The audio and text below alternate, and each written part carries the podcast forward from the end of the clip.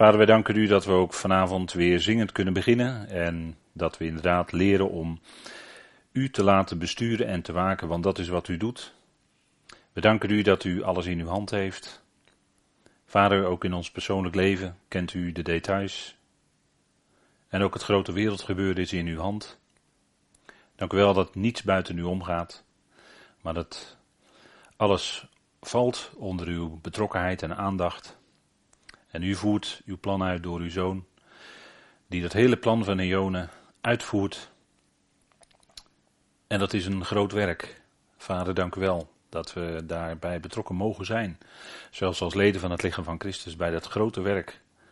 Om het al te brengen onder de voeten van Christus en uiteindelijk wederzijds verzoend bij u.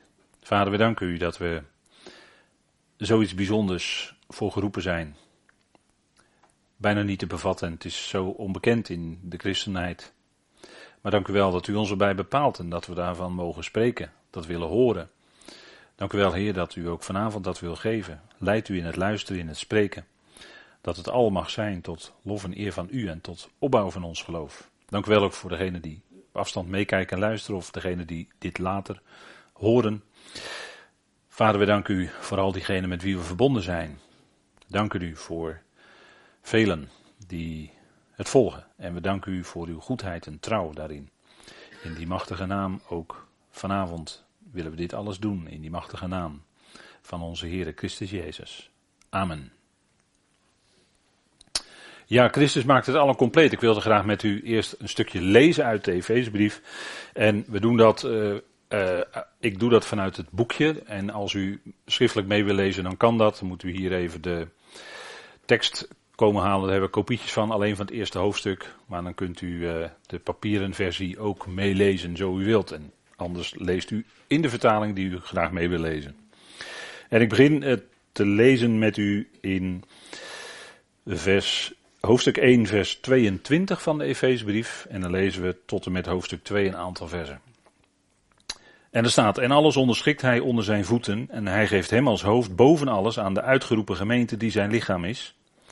Het complement van hem die het al in allen compleet maakt. En jullie die dood zijn voor jullie krenkingen en zonden, waarin jullie eens wandelden in overeenstemming met de eon van deze wereld, in overeenstemming met de vorst van het volmachtsgebied van de lucht, de geest die nu werkzaam is in de zonen van de weerspannigheid, onder wie ook wij allen ons eens gedroegen in de begeerten van ons vlees, de wil van het vlees en van de denkwijze uitvoerend, en wij waren van nature kinderen van verontwaardiging, zoals ook de overigen. God echter, die rijk is aan barmhartigheid, vanwege zijn onmetelijke liefde waarmee hij ons lief heeft, wij die dood zijn voor de krenkingen en de begeerten, maakt ons gezamenlijk levend in Christus, in genade zijn jullie geredden. En dat eindigt met een uitroepteken en dat is niet uh, onlogisch natuurlijk, zo'n gedeelte. Als er zulke dingen gezegd zijn, daar mag je best een uitroepteken achter plaatsen, alhoewel dat uiteraard niet in de grondtekst staat. Christus maakt het al in allen compleet. En u ziet dat bekende stukje, puzzelstukje, hè, dat mooie voorbeeld wat daarin is. En Christus is degene die het al compleet maakt. En daar willen we vanavond toch ook nog iets verder over nadenken. Er zijn nog een aantal aspecten die we daar toch van, nog van willen bekijken. Na alles wat al daarvan gezegd is. Maar het is nu eenmaal een geladen tekst, hè, deze Efezebrief. Er staat heel veel in. En het is ook de top van wat uh, de schrift onthult. Het is de top van wat Paulus mocht onthullen.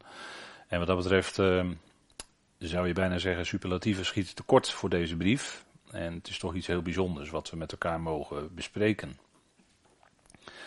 Efeze 1. En we zitten nu in het gedeelte, daar hebben we enige tijd geleden al met elkaar bij stilgestaan, de structuur van de brief. En dat wil ik heel even met u nog aangeven, maar dan maar heel kort hoor. Hoofdstuk 1, vers 20 tot en met 2, vers 10 gaat over de relatie van het lichaam tot Christus. Eh, waar het in hoofdstuk 1, vers 1 tot en met 14 ging, onze relatie tot God. En dat ging vooral over het lotdeel wat we van God hebben ontvangen. gaat het hier over de relatie van het lichaam als gelovigen tot Christus. We zien dus eigenlijk, en je zou dat in een uh, soort driehoeksvorm kunnen zetten. God bovenaan, de relatie tot God, dat is natuurlijk de belangrijkste, en dan de relatie tot Christus.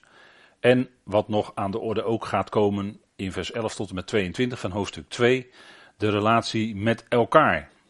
En ook dat is een uh, lastig gedeelte, maar ook daar gaan we naar kijken. En daar, daar is uh, nog wel het nodige over op te merken, denk ik. En, maar eerst zijn we met deze versen nog bezig en dat is veel en rijk genoeg. Relatie tot God, en dat is ook bijzonder hoe dat in het gebed wat Paulus uitspreekt in het tweede deel van hoofdstuk 1 naar voren komt. Hè, relatie tot God, relatie met Christus en met elkaar. En hoe dat in dat gebed, hè, drie keer dat wat, hè, dat hij u geven, dat je gaat zien. Wat, en dan komt drie keer wat, hè. En dat die drie keer wat, dan volgt daar iets. En dat heeft allemaal te maken met die drie aspecten van wat wij dan zeggen het Efeze geheimenis wat we dan met een uh, geleend woord, wat we zelf, wat zelf, uh, wat naar voren is gekomen in de studies. Het Efeze geheimenis. Dat heeft alles te maken met de plaats en roeping van het lichaam van Christus. En dat is denk ik goed om te zien dat die structuur zo door heel de brief heen, door heel dat eerste gedeelte, hè, hoofdstuk 1 tot en 3, we zeggen altijd het leergedeelte. Dat is wel grofweg gezegd wel zo, maar het gaat natuurlijk altijd, als we Gods woord bestuderen, heeft het ook direct te maken met onze wandel. Dat is nooit zomaar vrijblijvend dat je Gods woord studeert. Dat heeft altijd gevolgen voor je denken allereerst, maar ook voor je leven. En dat komt ook naar voren, want in 2 vers 1 hebben we gelezen, of 2 vers 2 hebben we gelezen, waarin jullie eens wandelden. Dat is natuurlijk wel de oude wandel, maar toch komt dat woord wandelen dus al in hoofdstuk 2, vers 2 naar voren. En dat zullen we ook nog in vervolg natuurlijk gaan zien. Hè. Het gaat om de verandering van binnenuit die een andere wandel bewerkstelligt. Hè. Een andere levenswandel, een ander gedrag. Nou, dat gaan we met elkaar zien. En hier gaat het dus om onze relatie tot Christus. Hij is het hoofd, daar hebben we de vorige keer nadrukkelijk bij stilgestaan.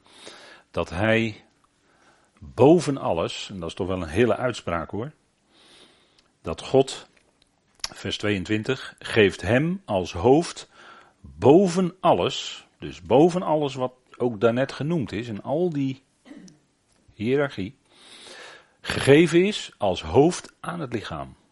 En daarmee heeft dat lichaam zelf ook een hele hoge positie, een hele hoge plaats als zonen, samen met de zoon als bovenaan de top onder God. Dat is toch wel heel bijzonder.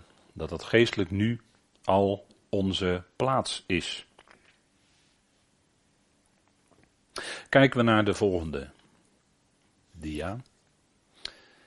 En dat is wat vers 23 ook aangeeft. Want dat hij door God gegeven is als hoofd boven alles aan de uitgeroepen gemeente die zijn lichaam is, hè, dus de Ecclesia die zijn lichaam is, om te onderscheiden van andere uitgeroepenen, dat heeft natuurlijk een bedoeling. Dat is nooit zomaar. Dat is een bedoeling. Het is het complement, daar hebben we de vorige keer diepgaander bij stilgestaan.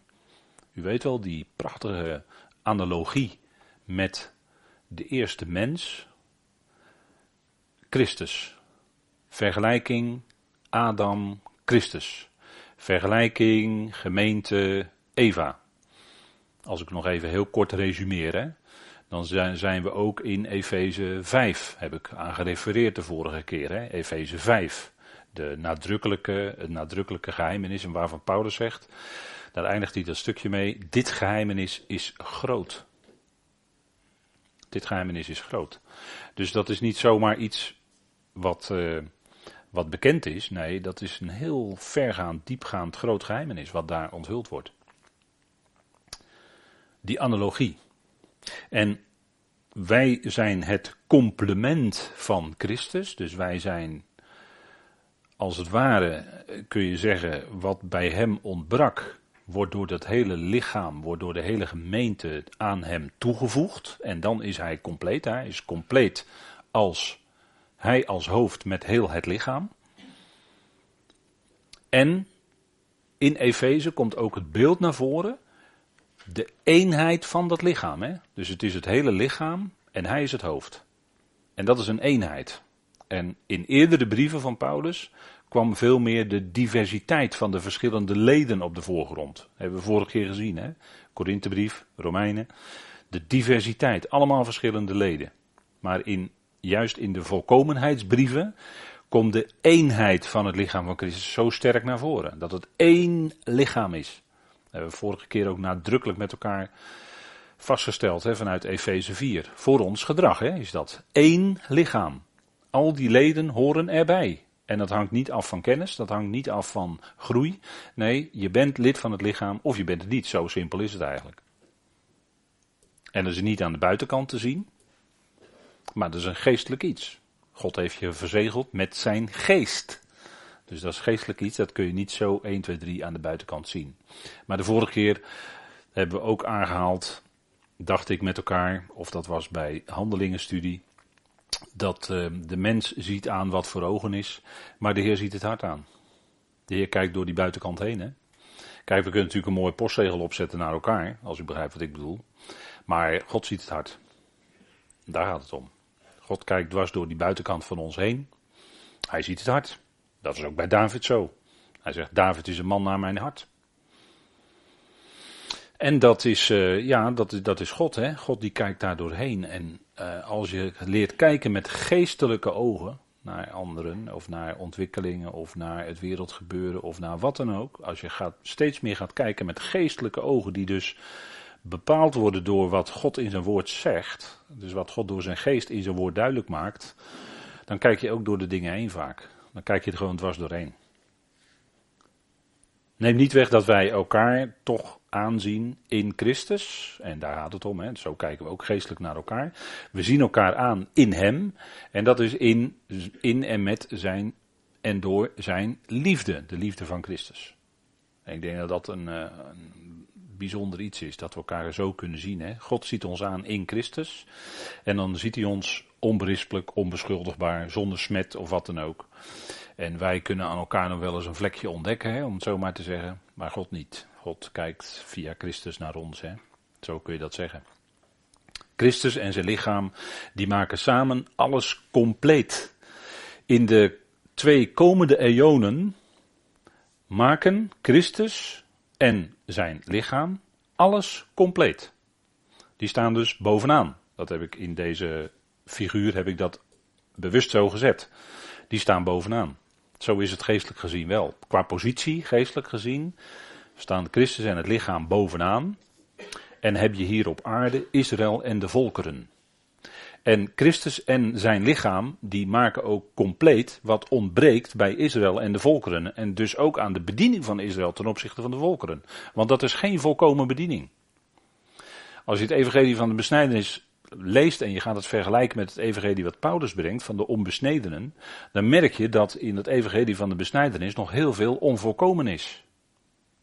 Maar dat het pas volkomen is en vol wordt door het evangelie wat Paulus brengt, dat, dat, dan, ben je bij, dan kom je bij het eindpunt, dan kom je bij de vol, dan is het werkelijk vol, dan is het ook werkelijk één.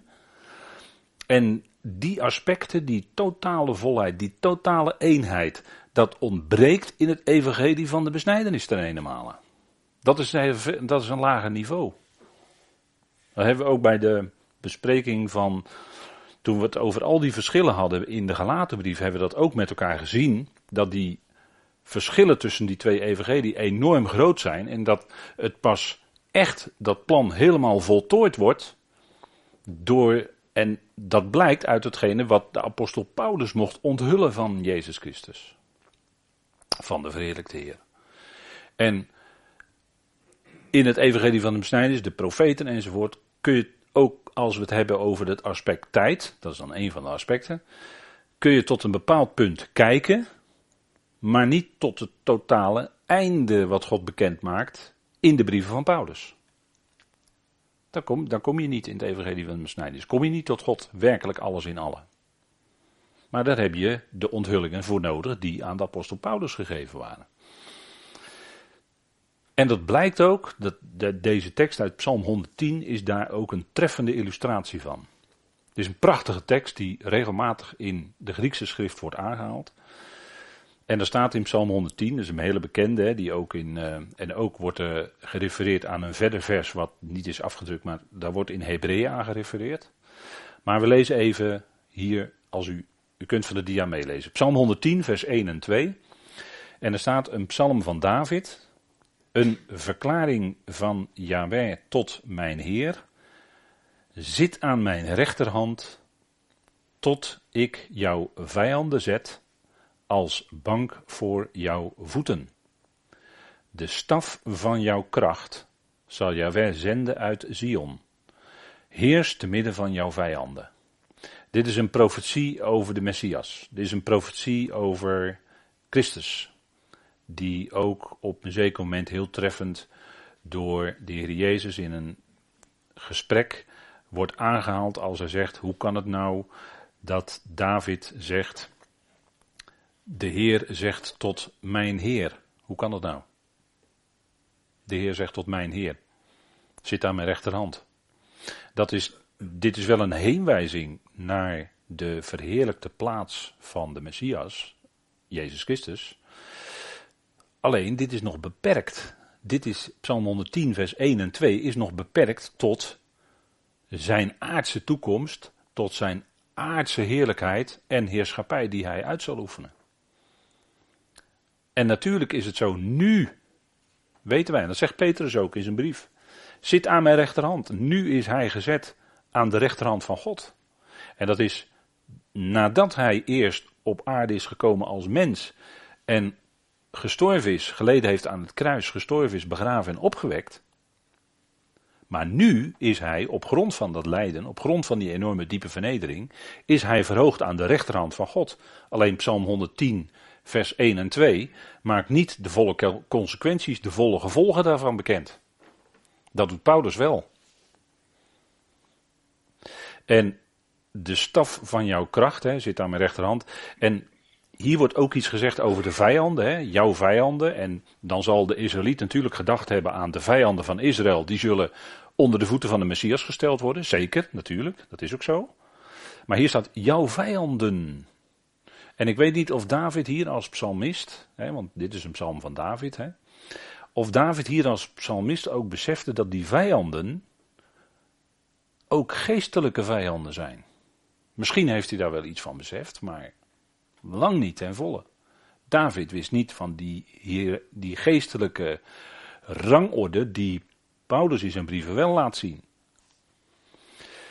Zit aan mijn rechterhand en dit, vermoedelijk is dit ook wel een van die profetieën die dan de profeten uitgesproken hebben, waarvan Petrus later zei dat ze zelf hun eigen profetieën nagingen, wat nou betrekking had op die Messias en de heerlijkheid. Hè? Wat betrekking had op, op zijn lijden en de heerlijkheid daarna. Waar zelfs ook boodschappers begeerig zijn een blik in te slaan hè, in dat besnijdensevangelie zelfs. Nou, hoeveel te meer zou ik dan willen zeggen, het evangelie wat Paulus mocht brengen. Dat is helemaal en de staf van jouw kracht, hè, dat, dat zal Yahweh zenden uit Sion, heerst te midden van jouw vijanden. Natuurlijk, dit is profetisch over wat zijn positie zal zijn van de Messias in het duizend jaar. Natuurlijk, natuurlijk. Dat weet, dit weten de rabbijnen natuurlijk ook heel goed.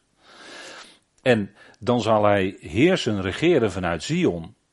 En het woord zal ook daarvan uitgaan. En hij zal over de vijanden heersen. Al die vijanden zullen verslagen worden, want hij komt dan natuurlijk als Yahweh van de menigten, hè, Zebaot. En dan zal hij de vijanden vernietigend verslaan, hè, zoals in Zacharia staat. En deze psalm wordt dan aangehaald, hier ook deels door Paulus in Efeze 1, vers 1 en 22. Hè, want u ziet hier ook, als u de papieren versie heeft, ziet u de verwijzing Psalm 110, vers 1. Dit was wel een aanzet en in de psalm, maar het volkomene wat onthuld wordt over de positie van de Messias, over de Christus, dat wordt door Paulus hier bekendgemaakt in Efeze 1. Dit is, de, dit is de top van wat God dan onthulde. En dat zat al in, in een nutshell als het ware in Psalm 110 vervat. En zo zijn er talloze profetieën die aangehaald worden. En de apostel Paulus citeert ook regelmatig of haalt die delen aan uit bijvoorbeeld Jezaja in de Efezebrief. Dat is een heel bekend gegeven, dat hij heel veel citaten doet uit Jezaja. Maar het komt hier in de Efezebrief in een hele andere tekstverband te staan. En veel voller en veel rijker. En in context van de gemeente die het lichaam van Christus is. En natuurlijk, ook de positie van Israël komt ter sprake in de Efezebrief. Zeker. Dus dat zijn hele bijzondere dingen, waardoor je de diepere lagen van de schrift gaat zien.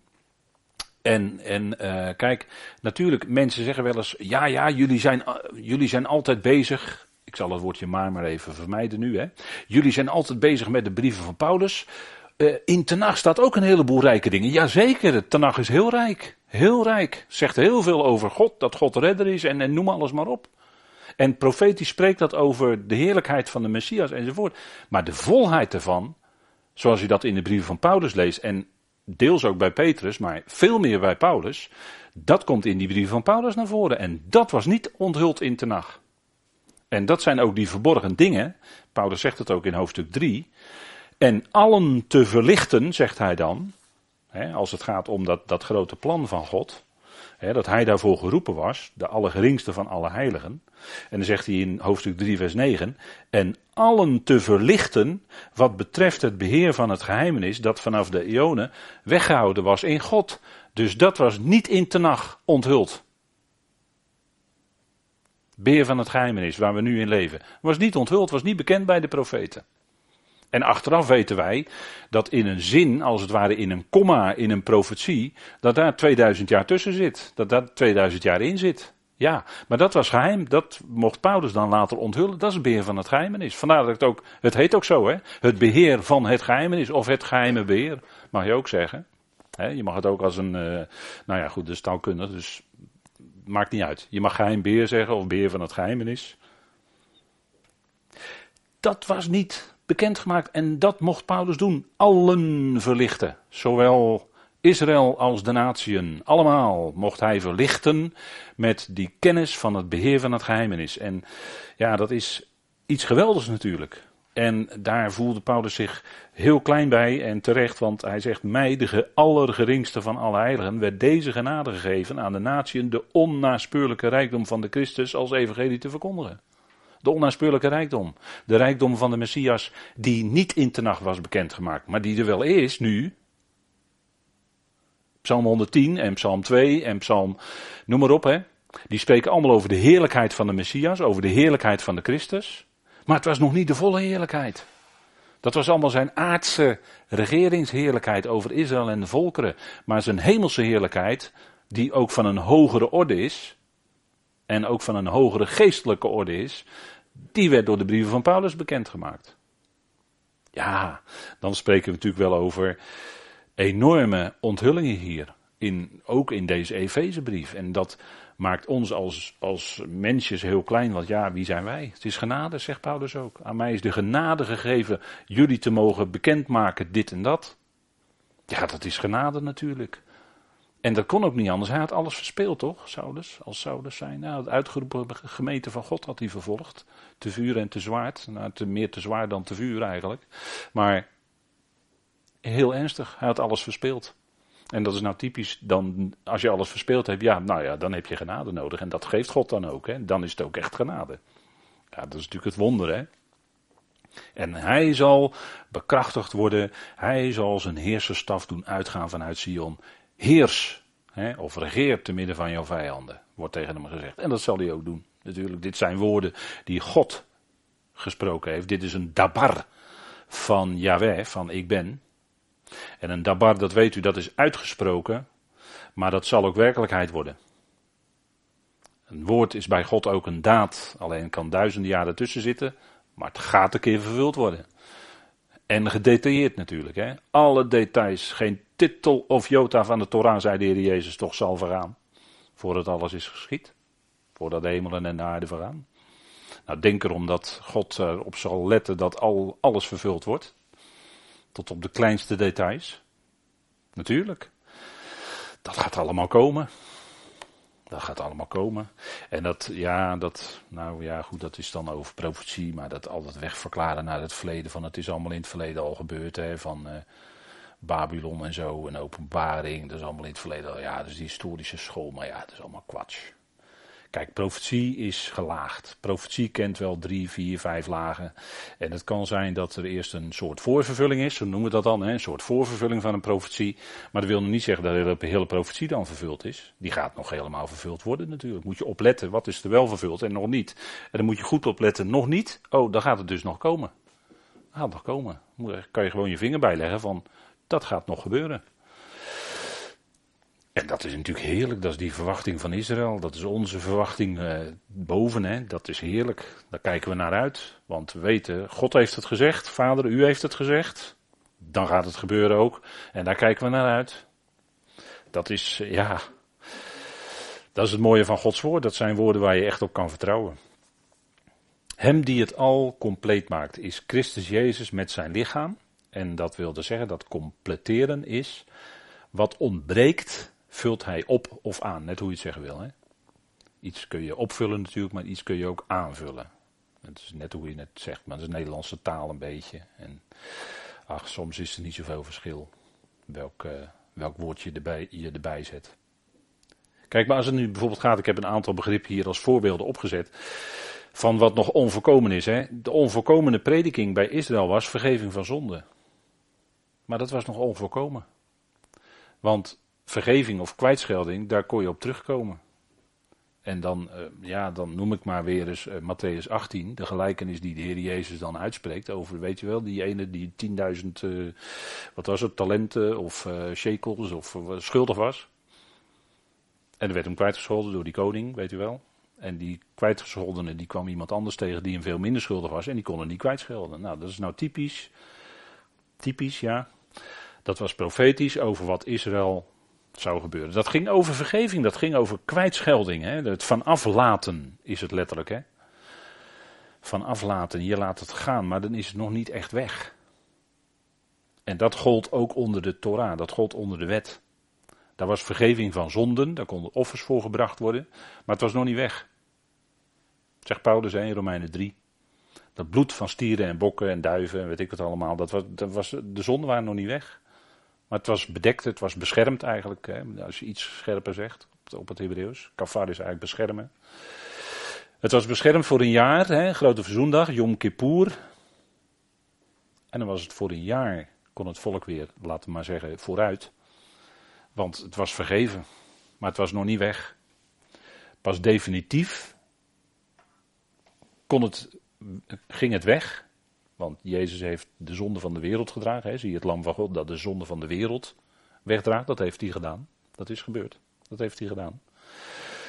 Ja, en dan gaat het veel verder. Want dan gaat Paulus spreken. En die gaat spreken over rechtvaardiging. Dat gaat veel verder dan vergeving.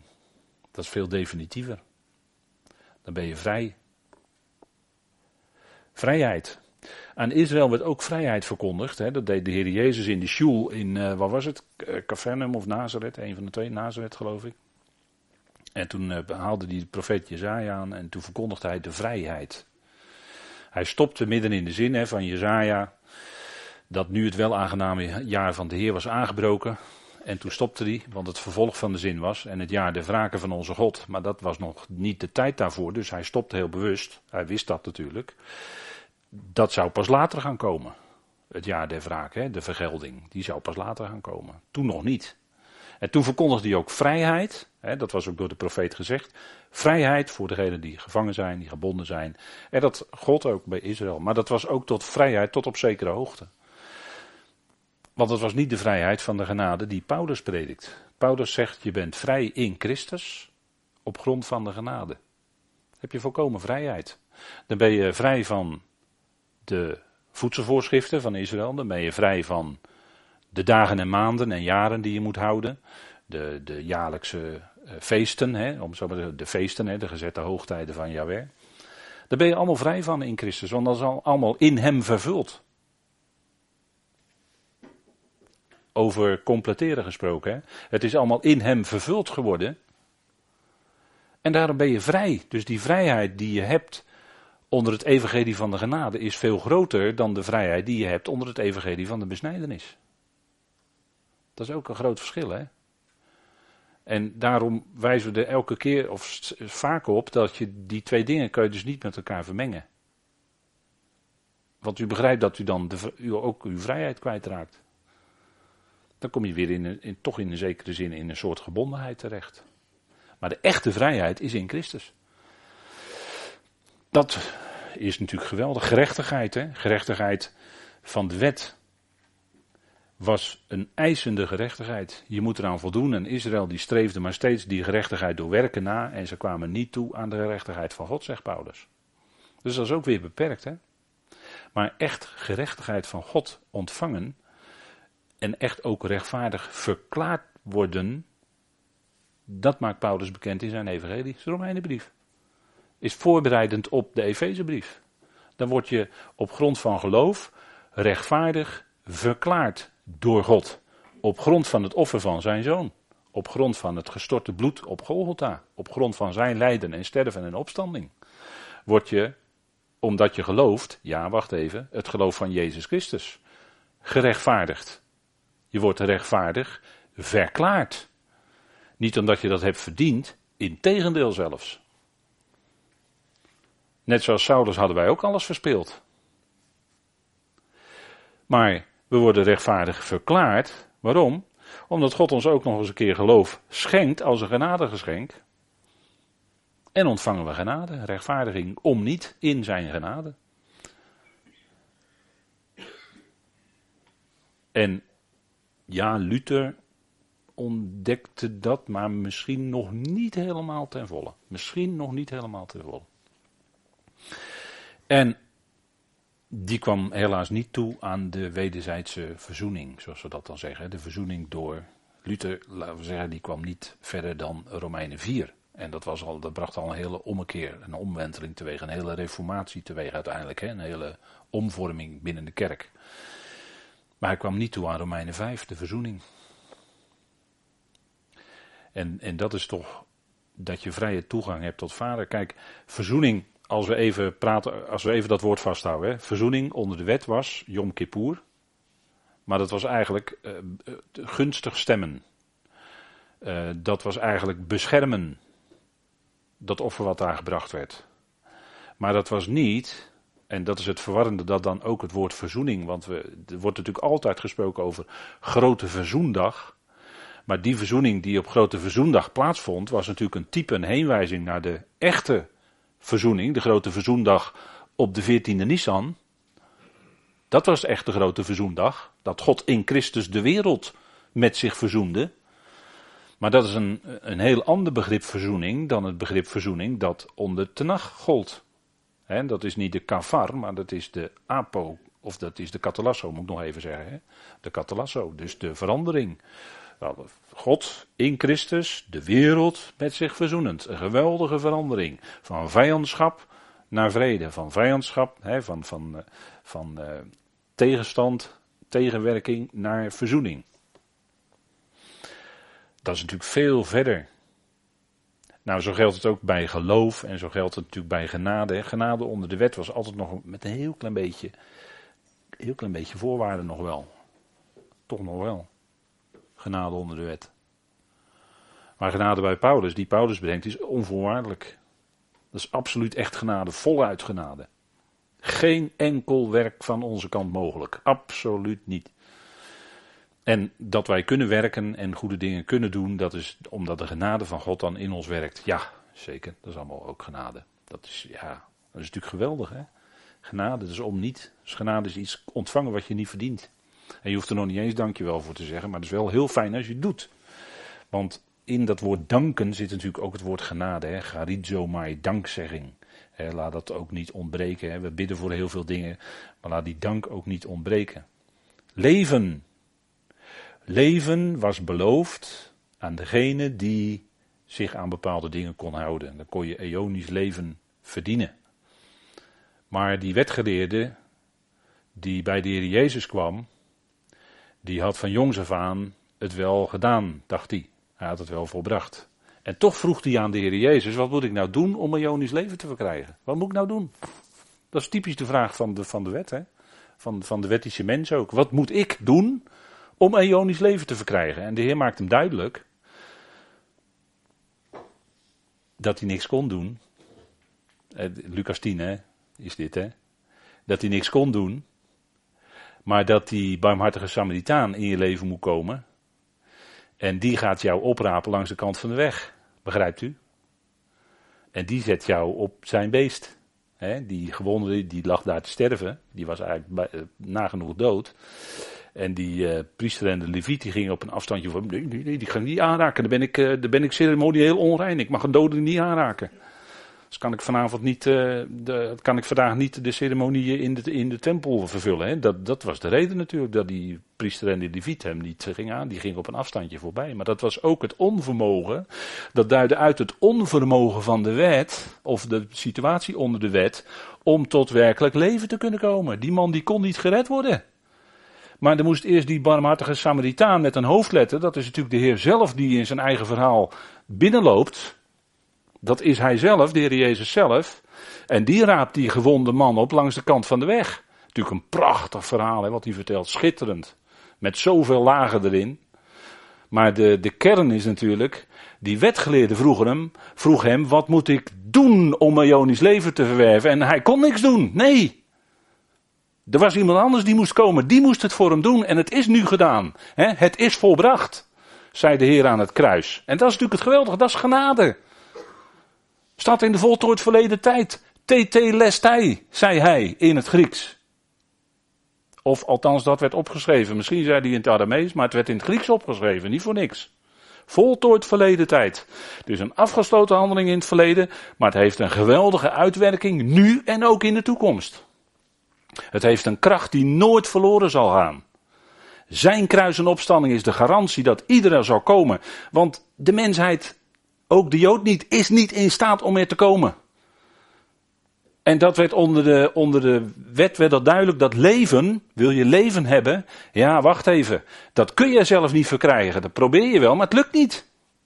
En er zijn zoveel mensen vandaag de dag die heel vroom religieus proberen dat leven te verkrijgen. En als ze op hun sterfbed liggen, dan zeggen ze nog, mocht het ooit te komen staan te gebeuren, bij wijze van spreken. U kent die uitspraken uit de kringen van de nadere reformatie wel, denk ik. Maar dan ziet u waar het toe leidt, zo'n prediking. Dat is niet de prediking van de genade. Dat is de prediking dat jij toch maar je hele leven goed je best moet doen. En je moet proberen zondag aan die tien geboden die voorgelezen worden te houden. Maar dat gaat hem niet worden. Dat weet iedereen die in die kerk zit. Als je een beetje eerlijk bent. Dat gaat hem niet worden. Nee, ze zouden de brieven van Paulus moeten lezen. De Romeinenbrief, ga die maar eens lezen op zondag in plaats van de tien woorden. Hoe goed ze ook bedoeld zijn. Nee, de brieven van Paulus, daar gaat het om. Dat zou in deze tijd moeten klinken. En dan kom je tot zekerheid, want die zekerheid ontleent zich dan niet aan iets in jouw ikkie. Want je, in jouw ikkie, als je naar binnen gaat graven, en dat gebeurt in die kringen helaas veel te vaak. Doe ik het wel goed genoeg? Nou heb ik zoveel gedaan, maar ik heb waarschijnlijk toch nog niet goed genoeg gedaan. zo, dat bekrompenen allemaal. Maar daar gaat het toch niet om? Het gaat er toch niet om wat jij doet, maar het gaat er toch om wat hij gedaan heeft met een hoofdletter. Daar gaat het toch om. Kijk, dat werkt bevrijdend in een, in een geloofsleven van een mens. Dat werkt bevrijdend voor mensen die zuchten onder de wet. En die dat ook zeggen als dit tot hen doorgedrongen is. Geweldig, nu ben ik eindelijk vrij. En dat kunnen ze met hun volle hart zeggen. In dankbaarheid aan hem. Daar gaat het om. Dat is belangrijk. En dat goede nieuws zou klinken overal. Maar ja, de tegenwerker, u weet hoe het allemaal zit, hè, geestelijk. Maar leven is dus alleen door de Messias, door de Zoon van God. Geen andere mogelijkheid. Ja, en als dat dan op een gegeven moment, ja, we leven nu natuurlijk in de, eind, in de tijd van het einde bijna. En, en de, de genadetijd loopt af. En dan zie je ook dat als vervanging komen er allerlei uh, religies, weet je wel, er allerlei filosofieën uit het oosten, weet ik wat allemaal. allemaal, allemaal. En, en al, iedereen moet gecoacht worden en, en noem maar op. Hè. Maar dat is, kijk, waar zit nou die kracht? Waar zit nou die kracht? Die kracht zit in het evangelie. Het evangelie is Gods kracht tot redding. Want daarin wordt Gods gerechtigheid onthuld. Niet die van ons. Nee, Gods gerechtigheid wordt daarin onthuld. En daar gaat het om. En dan bent u in beeld hoor. Want daar passen wij allemaal in. Binnen die gerechtigheid, binnen die armen, binnen die liefde van God. Daar passen wij allemaal in. Dus wij zijn ook in beeld. Maar het, gaat natuurlijk wel, het moet natuurlijk wel gaan over degene over wie het echt moet gaan in het evangelie. En dat is God. En daar gaat het om. En leven is er alleen uit God. Leven is er alleen door zijn geest. Leven is iets wat je ontvangt, altijd. Bij je geboorte ontvang je ook leven van God. Adem van God. En eh, dat is natuurlijk ook zo in het evangelie. Ontvang je ook leven van God. Hè? Nou, als we nu ons afvragen, dan gaan we verder, want ja, hier zouden we natuurlijk eh, de hele avond nog verder met elkaar over kunnen spreken. Maar over deze dingen, want dit zijn hele wezenlijke dingen waar we het over hebben. Hele wezenlijke dingen. Genade is de grondtoon van het evangelie van Paulus. En dat kun je niet vermengen met iets wat niet zuiver genade is. Dat gaat niet, dan raak je de zuiverheid kwijt. Wat zijn nu die instrumenten? Belangrijkste instrumenten in Gods plan? Als, die, als ik die vraag aan u stel. Hè, wat zijn nou die belangrijkste instrumenten? Wat zegt u dan?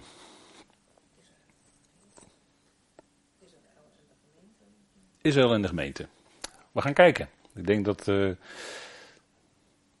dat we dat inderdaad constateren met elkaar. Want kijk, wat zijn de belangrijkste instrumenten? Bovenaan natuurlijk Christus Jezus, de Zoon van God. En de uitgeroepen gemeente die het lichaam van de Christus is. Dat zijn zonen van God. En zoon, ja, dat is zoon, waar, daarin word je geplaatst. Hè? Zoon is geen, uh, zoon zijn is geen. Uh, uh, als, als we, zeker als we kijken bij Paulus, is niet primair. daar gaat het niet primair om het erfrecht. Dat, dat speelt bij zoonschap, bij Israël, bij zoon wel een rol. Maar dat is niet het primaire. Het primair is dat je door God gesteld wordt in de plaats van zoon. Dat is zoonschap, hè? zoonplaatsing. En wie doet dat? God. Dat hebben we met elkaar behandeld in het eerste hoofdstuk. Israël, ook zonen van God, hè? ook instrumenten. En natuurlijk, er zijn nog geestelijke machten en krachten te noemen, maar als we het hebben over de, de, de vraag wat zijn de belangrijkste instrumenten, dan deze drie zijn wel de belangrijkste instrumenten die God in zijn plan inzet om zijn doel te bereiken. Want dat, dat is natuurlijk, het is allemaal doelgericht. Hè? Het zijn instrumenten. Met het instrument wil je iets doen. Hè, die moet je nooit zo, die kun je niet in de kast laten liggen. En als je een instrument hebt, dan ga je er iets mee doen. Nou, Israël, dat zijn ook zonen van God. Hè, de, het zoonschap is ook aan Israël als nadrukkelijk als geestelijke zegen gegeven. En dat is het plaatje van uh, Efeze 1. En hier spreken we over vers 23.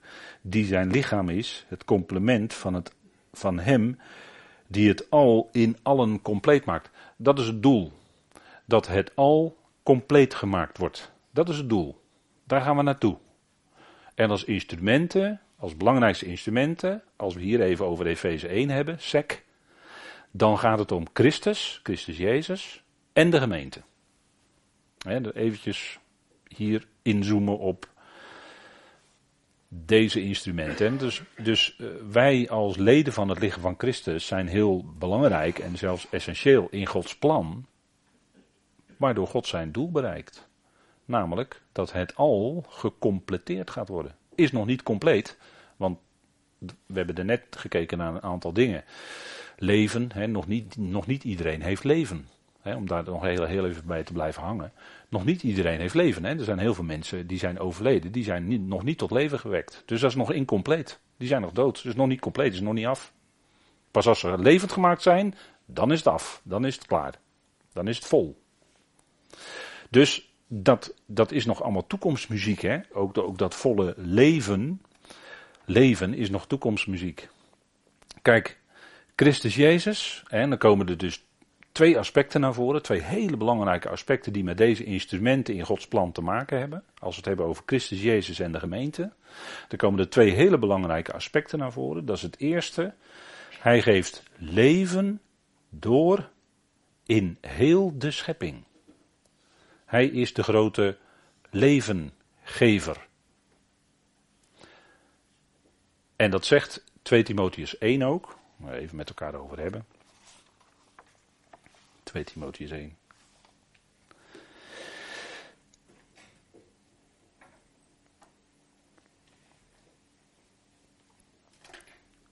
Vers 10. Zegt hij.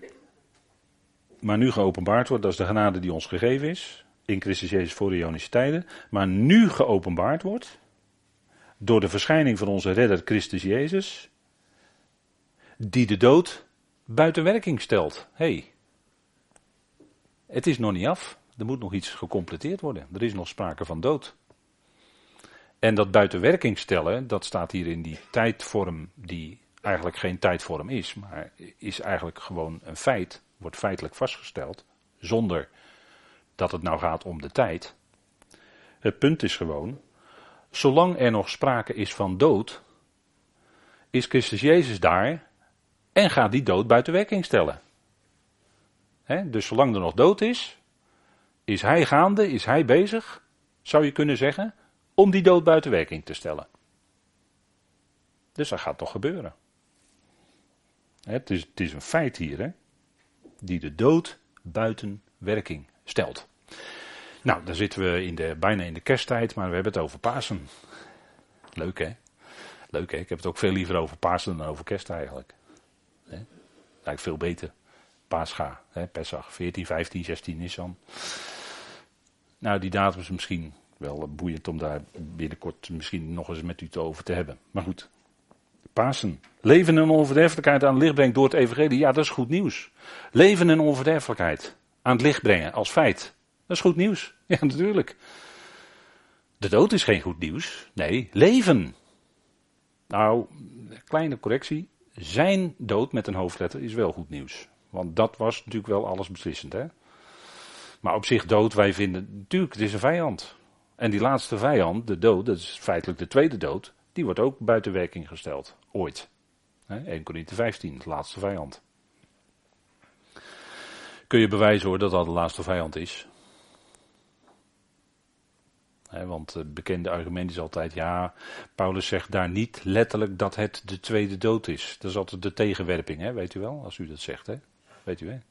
Maar hoe kunt u dat nou bewijzen? Dat het toch om de tweede dood gaat? Het staat er gewoon hè, in 1 Corinthië 15. Hoe kun je het nou bewijzen? Gewoon rechtuit, straight, kort door de bocht. Gewoon zeggen, is de laatste vijand. Dat is de laatste.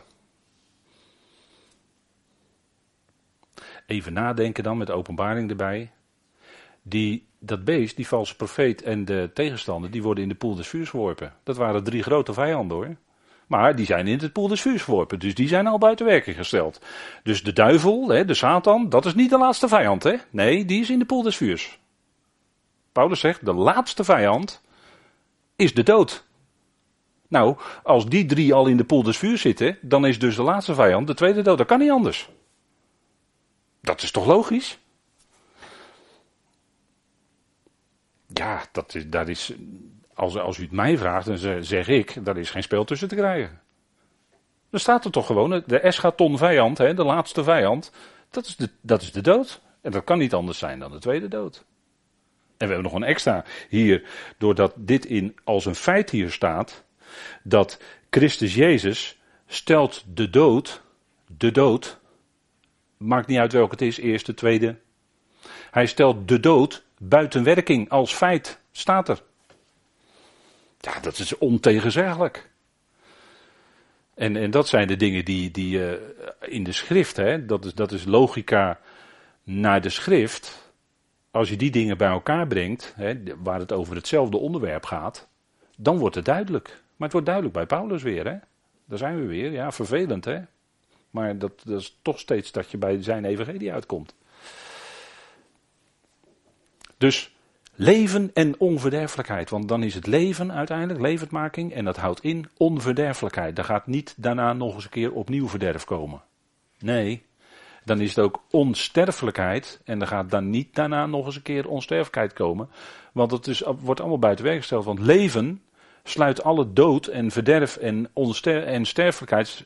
Als, als iedereen leven heeft, is dat allemaal uitgesloten. Het is er gewoon niet meer, er is geen plek meer voor. Weg. En dus het kwaad ook. En alles, zonde, allemaal weg. Komt ook dan niet meer terug. Wat de toekomst, hè?